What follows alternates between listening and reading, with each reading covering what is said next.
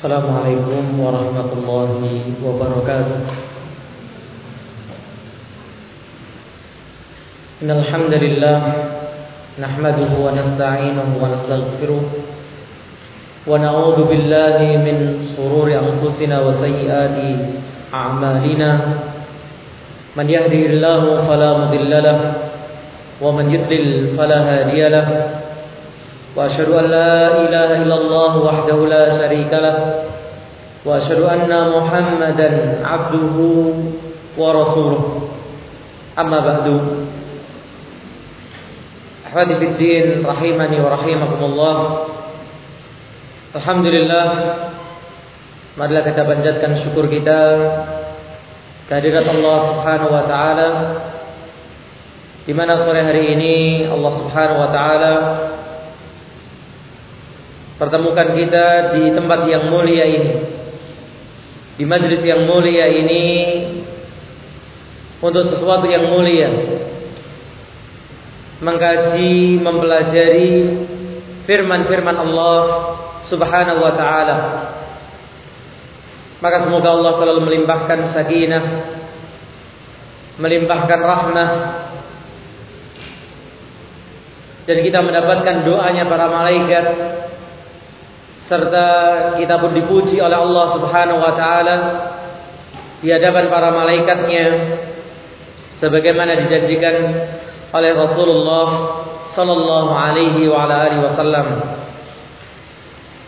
Salam dan salam tidak lupa kita aturkan kepada beliau panutan teladan kita Rasulullah Muhammad sallallahu alaihi wa ala alihi wasallam. Kaum muslimin rahimakumullah, kita lanjutkan pembahasan kita pada kitab Tafsir Juz Amma karya Dr. Firandar Andirja Hafizahullah yang kita baru mengawali surat An-Naba di mana kita telah membaca lima ayat dari surat ini yang berisi apa? Apa isinya? Tentang hari kiamat. Bagaimana Allah menjelaskan keadaan orang-orang musyrik yang mereka mengakui adanya Allah tapi sayangnya mereka tidak mengimani dengan hari kiamat, hari kebangkitan. Nah, kita akan beralih kepada pembahasan yang lain. Jadi dalam satu surat kalau surat itu panjang Seringkali pembahasannya bukan hanya satu topik pembahasan. Tetapi akan banyak topik pembahasan. Di antaranya kemudian di ayat yang ke-6 dan beberapa ayat selanjutnya Allah menerangkan tentang bukti kekuasaannya. Diawali dengan firman Allah alam naj'alil arda mihada Bukankah kami telah menjadikan bumi itu sebagai apa? Hambaran. Yang ini kemudian menimbulkan perdebatan Ada sebagian orang berkeyakinan apa? Bahwa bumi, bumi itu apa? bahwa bumi itu bulat. Antum termasuk golongan mana? Hah? FE atau Hah? Ayo. Maka bumi hmm, adalah bulat. Adik. Tapi diyakini oleh sebagian bahwa dia datang. Maka maksud datar ini apa? Hamparan itu bisa ditempati. Ini jalan-jalannya sudah sampai sarangan belum? Sudah pernah sarangan ya? Saya belum pernah ke sarangan? Oh, Raisa belum pernah sampai sekarang. Oh sudah. Oh sudah malah. Tony sudah juga. Siapa belum? Muhammad sudah. Lihat bagaimana sarangan itu miring. Apalagi ngerong dia, tanjakannya apa? Sangat curang. Bisa ditempati tidak? Bisa. Itulah yang dimaksudkan dengan hamparan. Bahwa bumi ini bagaimanapun bentuknya dihamparkan oleh Allah untuk bisa ditempati. Bukan artinya bahwa bumi itu datar. Dan insya Allah itu pendapat yang lebih kuat. Dan tidak perlu kita menjadikan perdebatan masalah ini menjadi permasalahan apa? Seakan pokok dalam masalah akidah. Ini juga tidak tepat. Andainya, uh, andaikan ada para ulama yang berpendapat bumi itu datar, yaitu istiadat mereka. Bahkan sebagian ustaz juga menuliskan buku tentang bahwa bumi itu datar. Tapi juga kita dapati pendapat ulama yang lainnya dan dibuktikan dengan teknologi bahwa bumi itu bulat. Tapi kalau antum berkeyakinan yang lain, Ya tidak perlu menjadikan apa? Seakan ini masalah manhaj akidah atau pokok akidah. Nah kita baca keterangan beliau tentang ayat ini. Ibu-ibu suaranya bisa jelas? Jelas. Kalau ada komplain dianggap jelas gitu ya. Kekuasaan Allah Subhanahu wa taala Allah Subhanahu wa taala mulai menyebutkan kenikmatan-kenikmatan yang Dia berikan kepada manusia. Hal ini untuk mengingatkan kaum musyrikin bahwa Allah ala kulli syai'in qadir. Maha kuasa atas segala sesuatu. Ketika topik pembicaraan berpindah, beralih, bukan artinya tidak ada kaitannya sama sekali dengan pembahasan sebelumnya. Karena di antara subhat orang-orang musyrik di mana mereka tidak meyakini hari kiamat menganggap apa? Tidak mungkin Allah membangkitkan tulang belulang yang sudah rusak. Manusia yang sudah jadi apa? Tanah. Maka Allah ingin menunjukkan kekuasaannya yang tanpa batas bahwa Allah mampu atas segala sesuatu dan mampu untuk membangkitkan para hambanya. Di mana Allah menjelaskan bahwa penciptaan manusia adalah perkara yang ringan. Kita sebutkan kemarin, kalau menciptakan manusia saja Allah mampu, apalagi mengembalikan apa? Yang pernah ada. Kalau kita yang dulunya tidak ada, Allah mampu menciptakan sehingga kita ada. Apalagi hanya untuk apa? Mengembalikan yang pernah ada. Terlebih ternyata penciptaan manusia itu lebih mudah dibandingkan penciptaan makhluk-makhluk yang lainnya.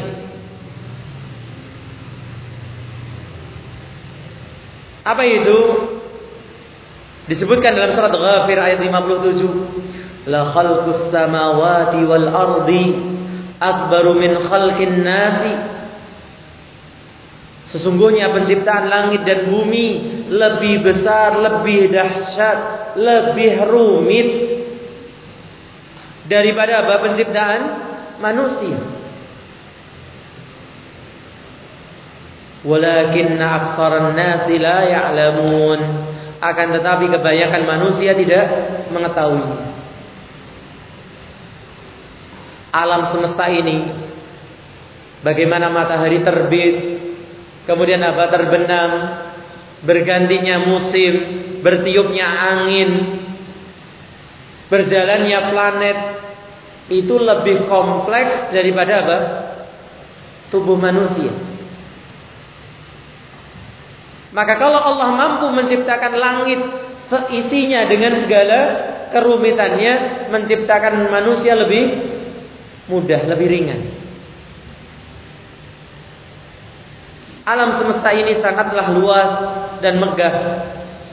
Allah Subhanahu wa taala menciptakan semua ini dengan mudah. Oleh karena itu, mudah pula bagi Allah Subhanahu wa taala untuk sekedar membangkitkan manusia yang sudah menjadi tulang belulang. Bukankah Allah Subhanahu wa taala telah menciptakan mereka dari yang tidak ada menjadi ada? Perkara ini yaitu Allah menciptakan alam semesta merupakan perkara yang diyakini oleh orang-orang musyrikin. Maka sekarang ini bantahan bagi orang musyrik. Kalau orang musyrik percaya Allah lah yang menciptakan apa? Langit dan bumi, menurunkan rizki, menurunkan apa? Hujan, menumbuhkan tanaman. Maka seharusnya mereka yakin untuk apa? Adanya hari kiamat. Orang-orang musyrikin bukanlah orang dahriyah. Apa itu dahriyah? Orang-orang yang mengingkari adanya Tuhan. Mereka mengakui adanya Allah Subhanahu wa taala. Akan tetapi mereka mengingkari adanya hari kebangkitan. Sehingga Allah Subhanahu wa taala menjelaskan kepada mereka, jika kalian mengakui bahwasanya Allah lah yang telah menciptakan kalian maka mengulangi penciptaan kalian lebih mudah perkaranya. Salah satu bentuk penjelasan Allah Subhanahu wa taala kepada mereka adalah Allah menjelaskan bahwa yang menciptakan alam semesta ini adalah Dia dan penciptaan alam semesta ini lebih dahsyat daripada penciptaan manusia. Jadi Ayat selanjutnya ini masih erat kaitannya dengan apa? Iman kepada hari akhir. Oleh karena itu, dari ayat ke-6 dan seterusnya Allah Subhanahu wa taala akan menyebutkan perkara-perkara yang berkaitan dengan penciptaan alam seperti kenikmatan-kenikmatan yang diberikan Allah Subhanahu wa taala kepada orang-orang musyrik. Dan alam semesta ini siapa yang menikmati? Orang yang beriman saja atau orang kafir juga? Semua menikmati. Bahkan kadang orang kafir lebih banyak apa? Menikmati. Penjelasan ayat. Kata mihaja dalam ayat ini ditafsirkan sebagian ahli tafsir dengan apa? Mumahhadan. Artinya dipersiapkan yaitu bukankah kami menjadikan bumi itu dalam kondisi telah dipersiapkan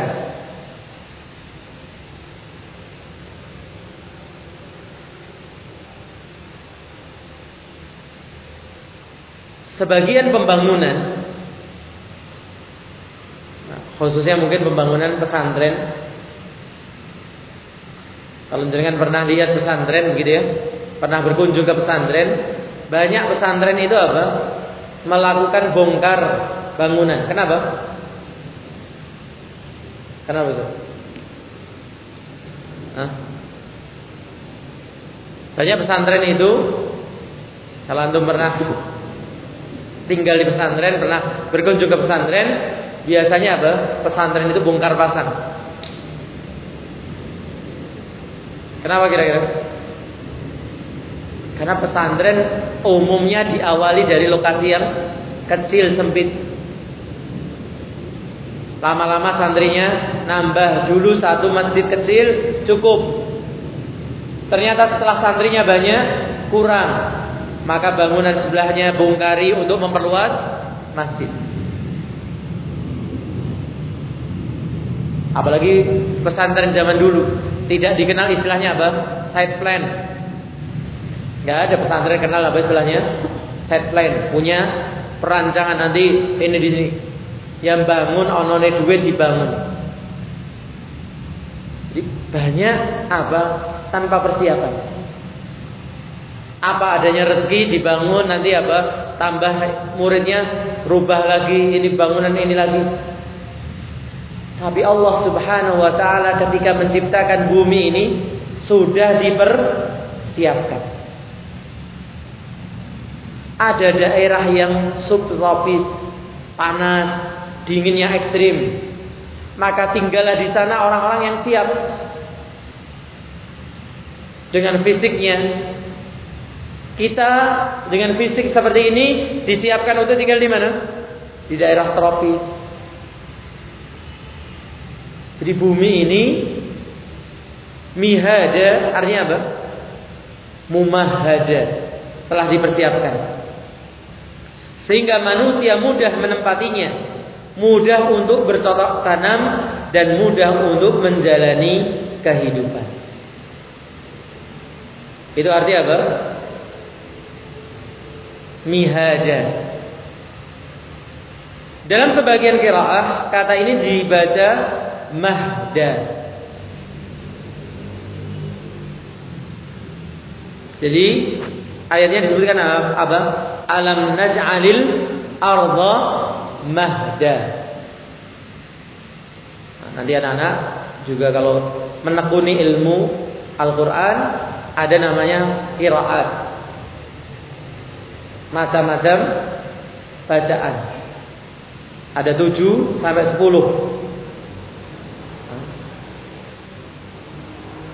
Itu dibaca apa? Miha dan dibaca mahda. Yaitu kasur yang disiapkan untuk bayi agar bayi tersebut tidur di atasnya. Demikian pula Allah menyiapkan bumi ini dengan segala fasilitasnya agar mudah ditempati oleh manusia dan semuanya adalah masalah yang sangat mudah. Jadi ini bukan berkaitan dengan apa mihada tadi bumi datar. Tapi bagaimana bumi itu bisa ditempati dengan nyaman. Bisa kita tempati semua ini adalah nikmat yang luar biasa dari Allah Subhanahu wa taala kepada kaum musyrikin.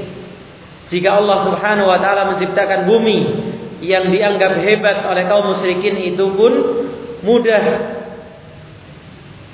membangkitkan mereka tentu juga mudah. Lalu Allah pun mulai menyebutkan berbagai karunia-Nya kepada mereka sehingga terlihatlah kekuasaan, kemampuan dan keesaan Allah. Apa itu kenikmatan yang lain? Wal jibala autada. Ini yang kadang tidak sampai pikiran kita ke sana. Dan gunung-gunung sebagai apa? Pasak. Apa itu pasak? besar pasak daripada tiang. Hmm. Pasak itu biasanya kalau rumah kuno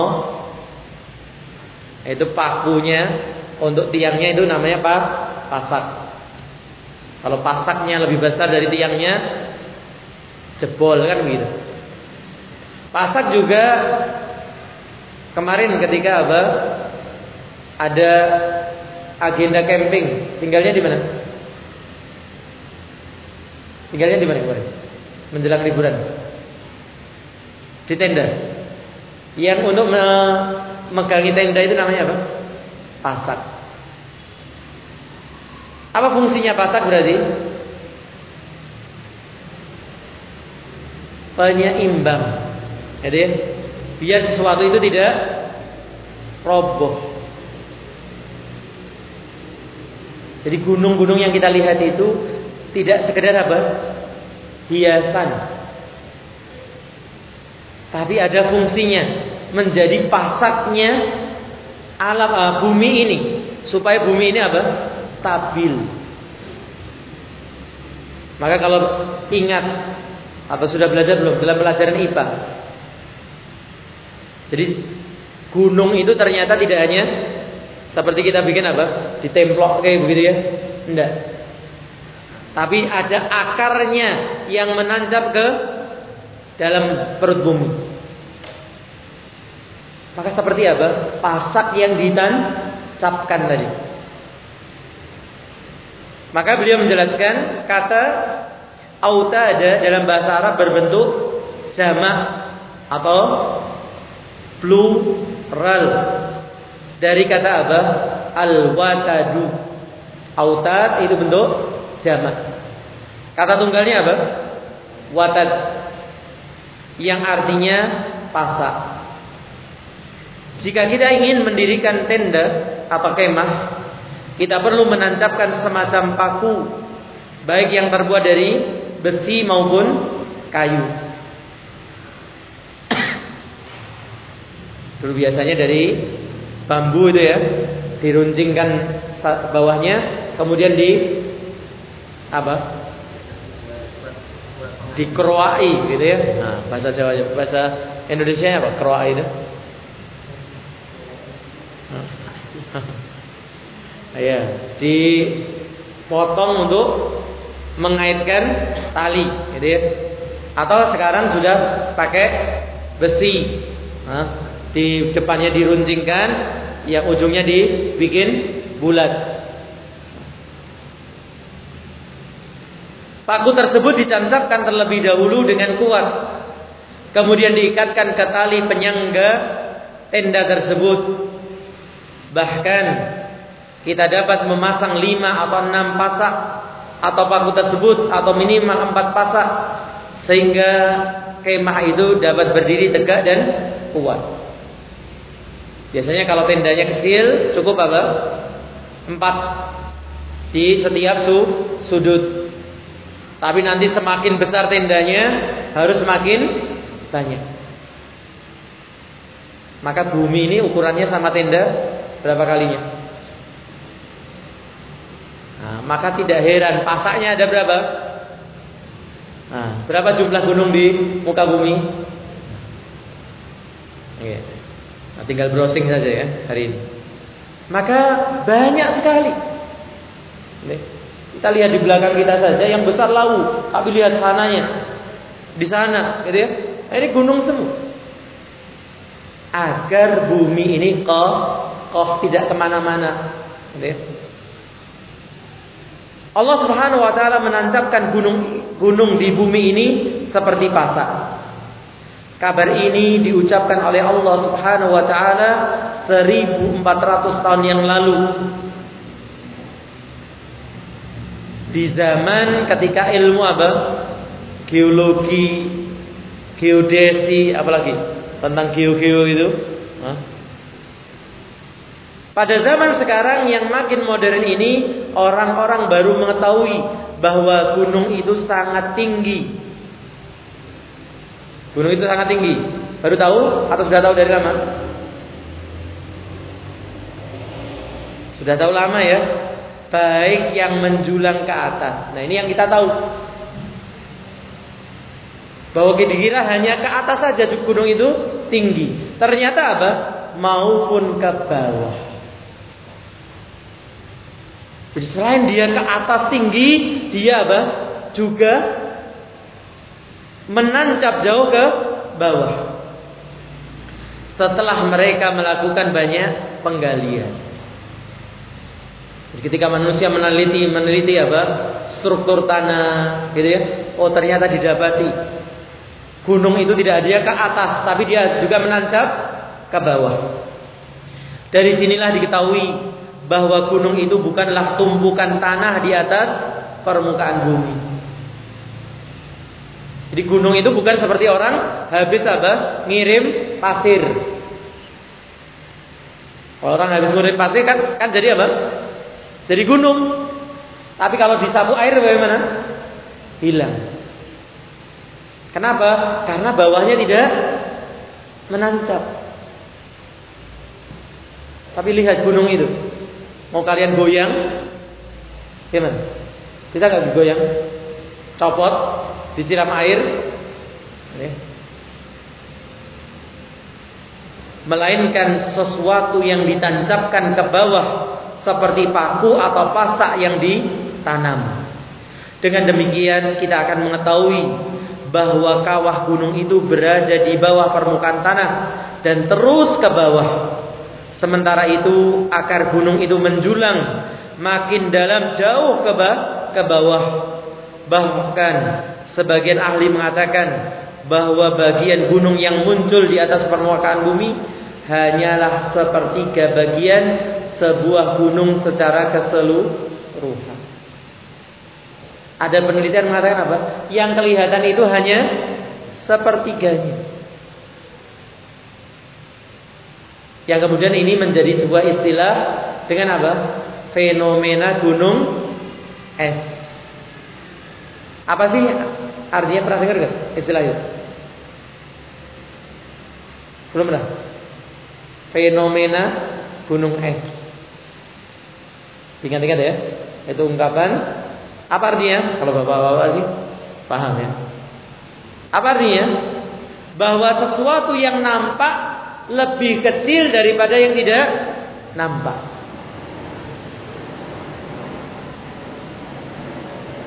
Ini untuk mengungkapkan sesuatu kasus yang muncul bahwa kasus yang tidak muncul lebih besar.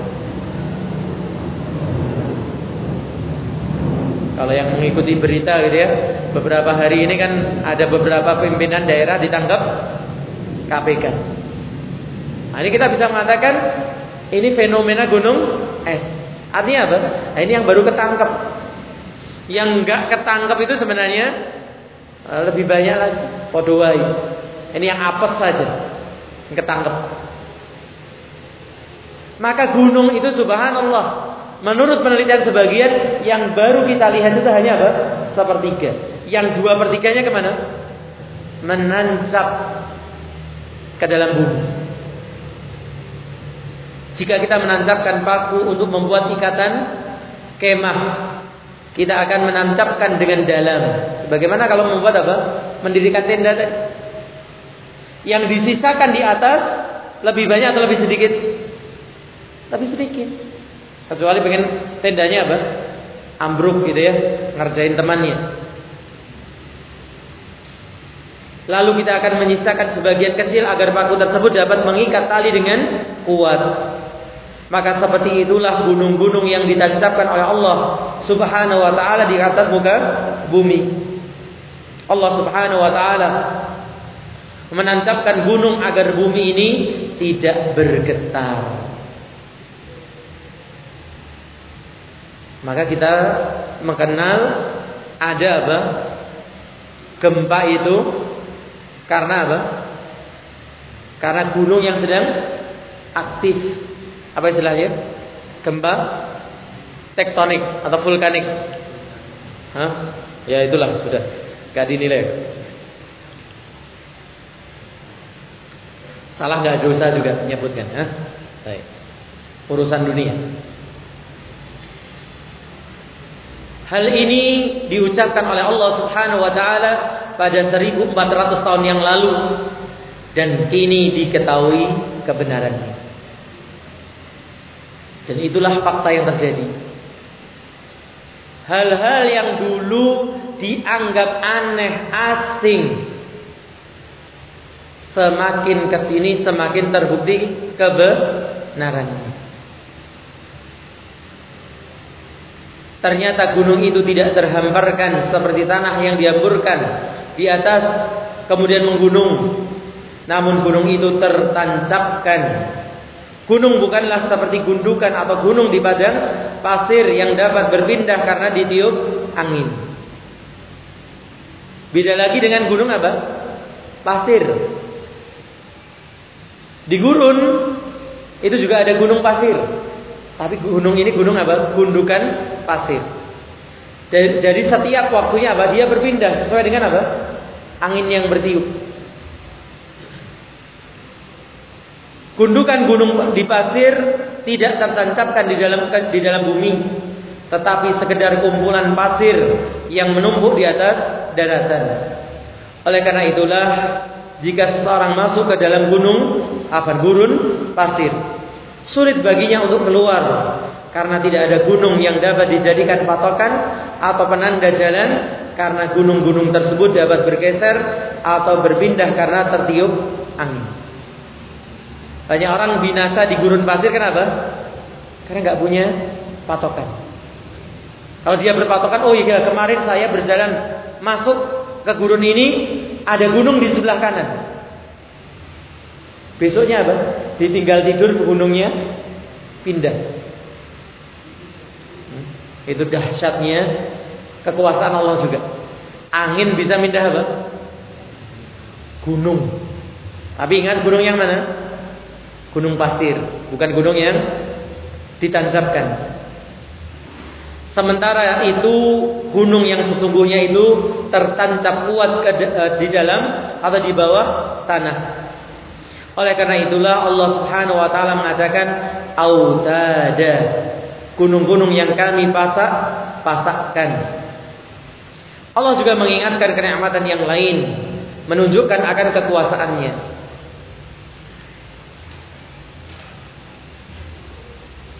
Wa khalaqnakum azwaja Di antara nikmat Allah dan kami jadikan kamu berpasang-pasangan.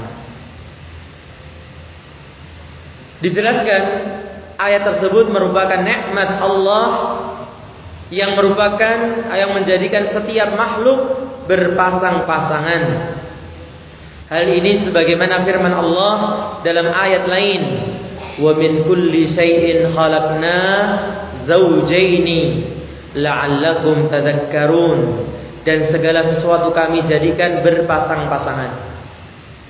Apa contohnya? Ada siang, ada malam. Ada panas, ada dingin. Ada senang, ada susah. Ada tertawa, ada menangis. Jadi nggak ada hidup ini yang flat. Hmm? Kalau hidup ini monoton, malah apa? Hah? Membosankan. Hidup kok tertawa terus. Akhirnya apa? Bunuh diri. Siapa itu yang bunuh diri kemarin? Saya pelawak yang bunuh diri. Yang kemarin dijadikan status bagian. Jadi ternyata tertawa terus itu belum tentu apa? Bahagia. Orang akan tahu bahwa tertawa itu membahagiakan kapan? Kalau dia pernah menangis. Orang akan merasakan senang kapan? Kalau dia pernah merasakan susah. Maka itu hikmah Allah. Dibuat di dunia ini kenapa? Di dunia ini ada namanya rasa bosan. Maka tidak ada orang yang sedih terus gak ada. Yang senang terus juga tidak ada. Tidak ada malam terus. Dan tidak ada tiang terus. Demikian pula para ulama mengatakan bahwa faidah Allah menciptakan segala sesuatu berpasang-pasangan adalah Allah ingin menjelaskan bahwa Dia Maha Esa dan tidak membutuhkan pasangan. Kenapa Allah menciptakan semuanya berpasangan? Untuk menunjukkan bahwa kita inilah mah Coba tadi, untuk mengerti bahagia kita harus mengerti apa?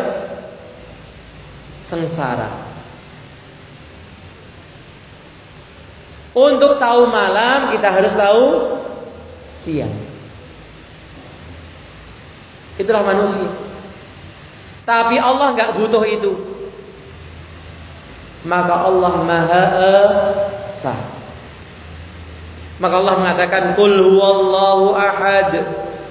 Katakanlah dia Allah yang Maha Esa. Tidak butuh pasangan. Kalau manusia ingin berbahagia butuh apa? Pasangan hidup. Demikian pula Allah mengatakan badi'us samawati wal ardi. Dialah Allah pencipta langit dan bumi yakunu lahu waladun wa lam yakul lahu sahibatun bagaimana mungkin dia mempunyai anak? Padahal dia tidak mempunyai istri. Tidak butuh kepada istri. Wa khalaqa kulla syai'in wa huwa bi kulli syai'in alim. Dialah yang menciptakan segala sesuatu dan dia pula yang mengetahui segala sesuatu. Allah juga mengatakan wa annahu ta'ala jaddu rabbina mattakhadha sahibatan wala walada dan bahwasanya maha tinggi kebesaran Tuhan kami Rabb kami dia tidak beristri dan tidak pula beranak. Itu kesempurnaan siapa? Allah Subhanahu wa taala. Sedangkan manusia sempurna ketika punya apa? Pasangan. Makanya menikah itu menyempurnakan separuh agama. Allah Subhanahu wa taala tidak membutuhkan apa pun. Allah Subhanahu wa taala tidak membutuhkan anak dan juga tidak membutuhkan pasangan. Bukti keesaan Allah, semua makhluk telah diciptakan berpasangan-pasangan oleh Allah. Contohnya manusia, ada Adam dan Hawa, ada ayah dan ibu kita. Kemudian setiap manusia pun demikian. Ada laki-laki, ada pula perempuan. Hewan pun demikian. Ada jantan dan ada betina bahkan dalam hal listrik pun. Hah? Ini mentang-mentang penulisnya dulu apa jebolan teknik kimia kalau nggak salah. Ya. Ada positif dan ada negatif. Ada proton, ada apa? Neutron. Oh, ya. Gak masalah kalau salah sebut gitu ya. Hampir semua perkara ada pasangannya. Hal itu menunjukkan bahwa Sang Maha Esalah yaitu Allah yang menciptakan pasangan-pasangan tersebut. Inilah nikmat luar biasa yang diberikan oleh Allah Subhanahu wa taala. Allah Subhanahu wa taala menjadikan lelaki dan wanita berpasangan sehingga keduanya saling membutuhkan. Seorang lelaki tidak mungkin bisa tentram dan merasa nyaman kecuali ada wanita atau istri yang mendampinginya. Demikian pula sebaliknya. Perempuan tidak akan tenang kecuali apa? Allah menjadikan pasangan untuknya. Allah menjadikan pasangan tersebut sebagai tanda-tanda kebesarannya. Itulah tanda-tanda bahwasanya Allah adalah sang pencipta sebagaimana firman-Nya wa min ayatihi an khalaqalakum min anfusikum azwaja dan di antara tanda-tanda kekuasaannya ialah dia menciptakan untukmu istri-istri dari jenismu sendiri. Jadi dari apa golongan manusia. Litas kunu ilaiha. Apa tujuannya? Supaya kamu cenderung dan merasa tentram kepadanya. Sering saya menerangkan di dalam apa? Pesan pernikahan litas kunu ilaiha. Litas kunu dari kata apa? Sakan. Sakan kalau pesantren, pondok apa artinya sakan? Asrama. Apa fungsinya asrama? Kalau capek, kalau bosan, masuk asrama tidur. Hah? Iya. Iya, seperti itu. Eh, seperti itulah fungsi pernikahan. Untuk mendapatkan ketenangan, ketentraman, kenyamanan. Wa ja'ala bainakum mawaddatan wa rahmah. Dan dijadikannya di antaramu rasa kasih dan sayang. Baru kemudian apa? Setelah keluarga itu tenang, tentram satu dengan yang lain baru akan tumbuh rasa cinta dan kasih sayang. Inna fi dzalika laayatin liqaumin yatafakkarun. Sesungguhnya pada yang demikian itu benar-benar terdapat tanda-tanda bagi kaum yang berpikir. Ayat tersebut menjelaskan bahwa tujuan Allah menciptakan manusia saling berpasangan adalah apa? Litas kunu ilaiha, yaitu agar kalian merasa tenang bersama istri-istri kalian tersebut. Seorang lelaki normal mustahil dapat hidup tenang tanpa adanya pasangan hidupnya. Salah satu nikmat Allah Subhanahu wa taala adalah menumbuhkan kebutuhan seorang laki-laki terhadap pasangannya tersebut. Allah Subhanahu wa taala pula lah yang menumbuhkan rasa kasih sayang di antara pasangan tersebut. Jadi para istri, para suami di sini perlu menyelipkan dalam doa-doanya apa? Doa untuk pasangannya. Agar apa? Saling mencintai, saling menyayangi. Jadi cinta dan kasih sayang itu tidak jatuh dari genteng. Tapi diusahakan. Maka Rasulullah SAW dulu apa? Mengusahakan cinta itu. Saya ngadepnya sini ya. Saya ngadep situ. Belum gitu kuping ya. Apa contohnya Rasulullah SAW itu mengusahakan? Minum dari bekas bibir sang istri. Makan daging dari bekas gigitan sang istri. Kalau kita sekarang gimana? Bekas gigitan istri? Cuil gitu ya. Ya bekasmu. Hah? gelas bekas istri gelap dulu gitu ya? Bekas idumu gitu ya Maka subhanallah. Nah, gimana? Kalau dengan apa? Istri sendiri jaim. Hmm? Masih ada jarak seakan-akan. Maka subhanallah cinta itu akan Allah jadikan. Tapi kapan? Setelah kita mengusahakannya. Demikian juga dengan penciptaan sesuatu secara berpasangan. Allah menunjukkan kekuasaannya karena dapat menciptakan dua hal yang saling berlawanan atau kontradiktif. Allah menciptakan surga, tetapi juga menciptakan lawannya, yaitu apa? Neraka.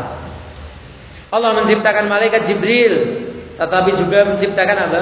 Iblis. Allah menciptakan Fir'aun, tetapi juga menciptakan Nabi Musa alaihissalam.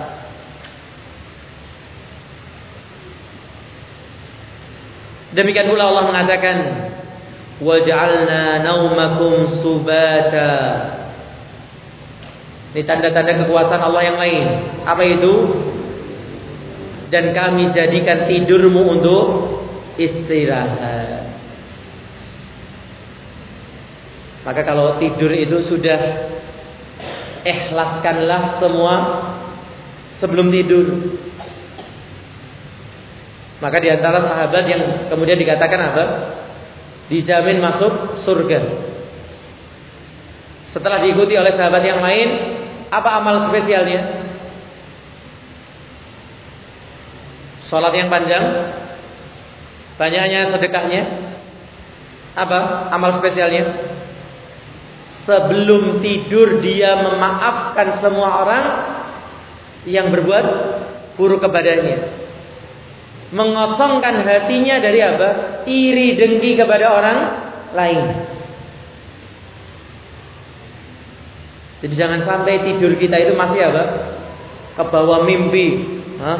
napok orang. Kenapa? Mau napok belum kesampaian. Hmm? Akhirnya kebawa apa? Mimpi. Hmm? Pengen makan itu belum kesampaian. Akhirnya ah, tidur kelamut, kelamut gitu ya. Nah, ini nggak perlu, sudah. Benar-benar tidur itu ikhlaskan semuanya agar tidur itu menjadi apa? Istirahat. Kata subata dalam bahasa Arab artinya istirahat. Hal ini juga merupakan anugerah dari Allah Subhanahu wa taala. Seandainya seorang bekerja terus-menerus tanpa istirahat, ia pasti akan meninggal dunia. Oleh karena itu Allah menjadikan seorang lelah sehingga membutuhkan istirahat. Jadi lelah itu ternyata juga nikmat. Karena kalau orang nggak bisa lelah, nggak bisa apa? Istirahat. Hmm? Mau tidur malah minum apa? Kopi. Ya. Akhirnya ketap ketop. Bagi yang efek. Huh? Kalau saya minum kopi ya bablas ya. Ngantuk ya ngantuk ya. Maka subhanallah. Dan salah satu nikmat lupa.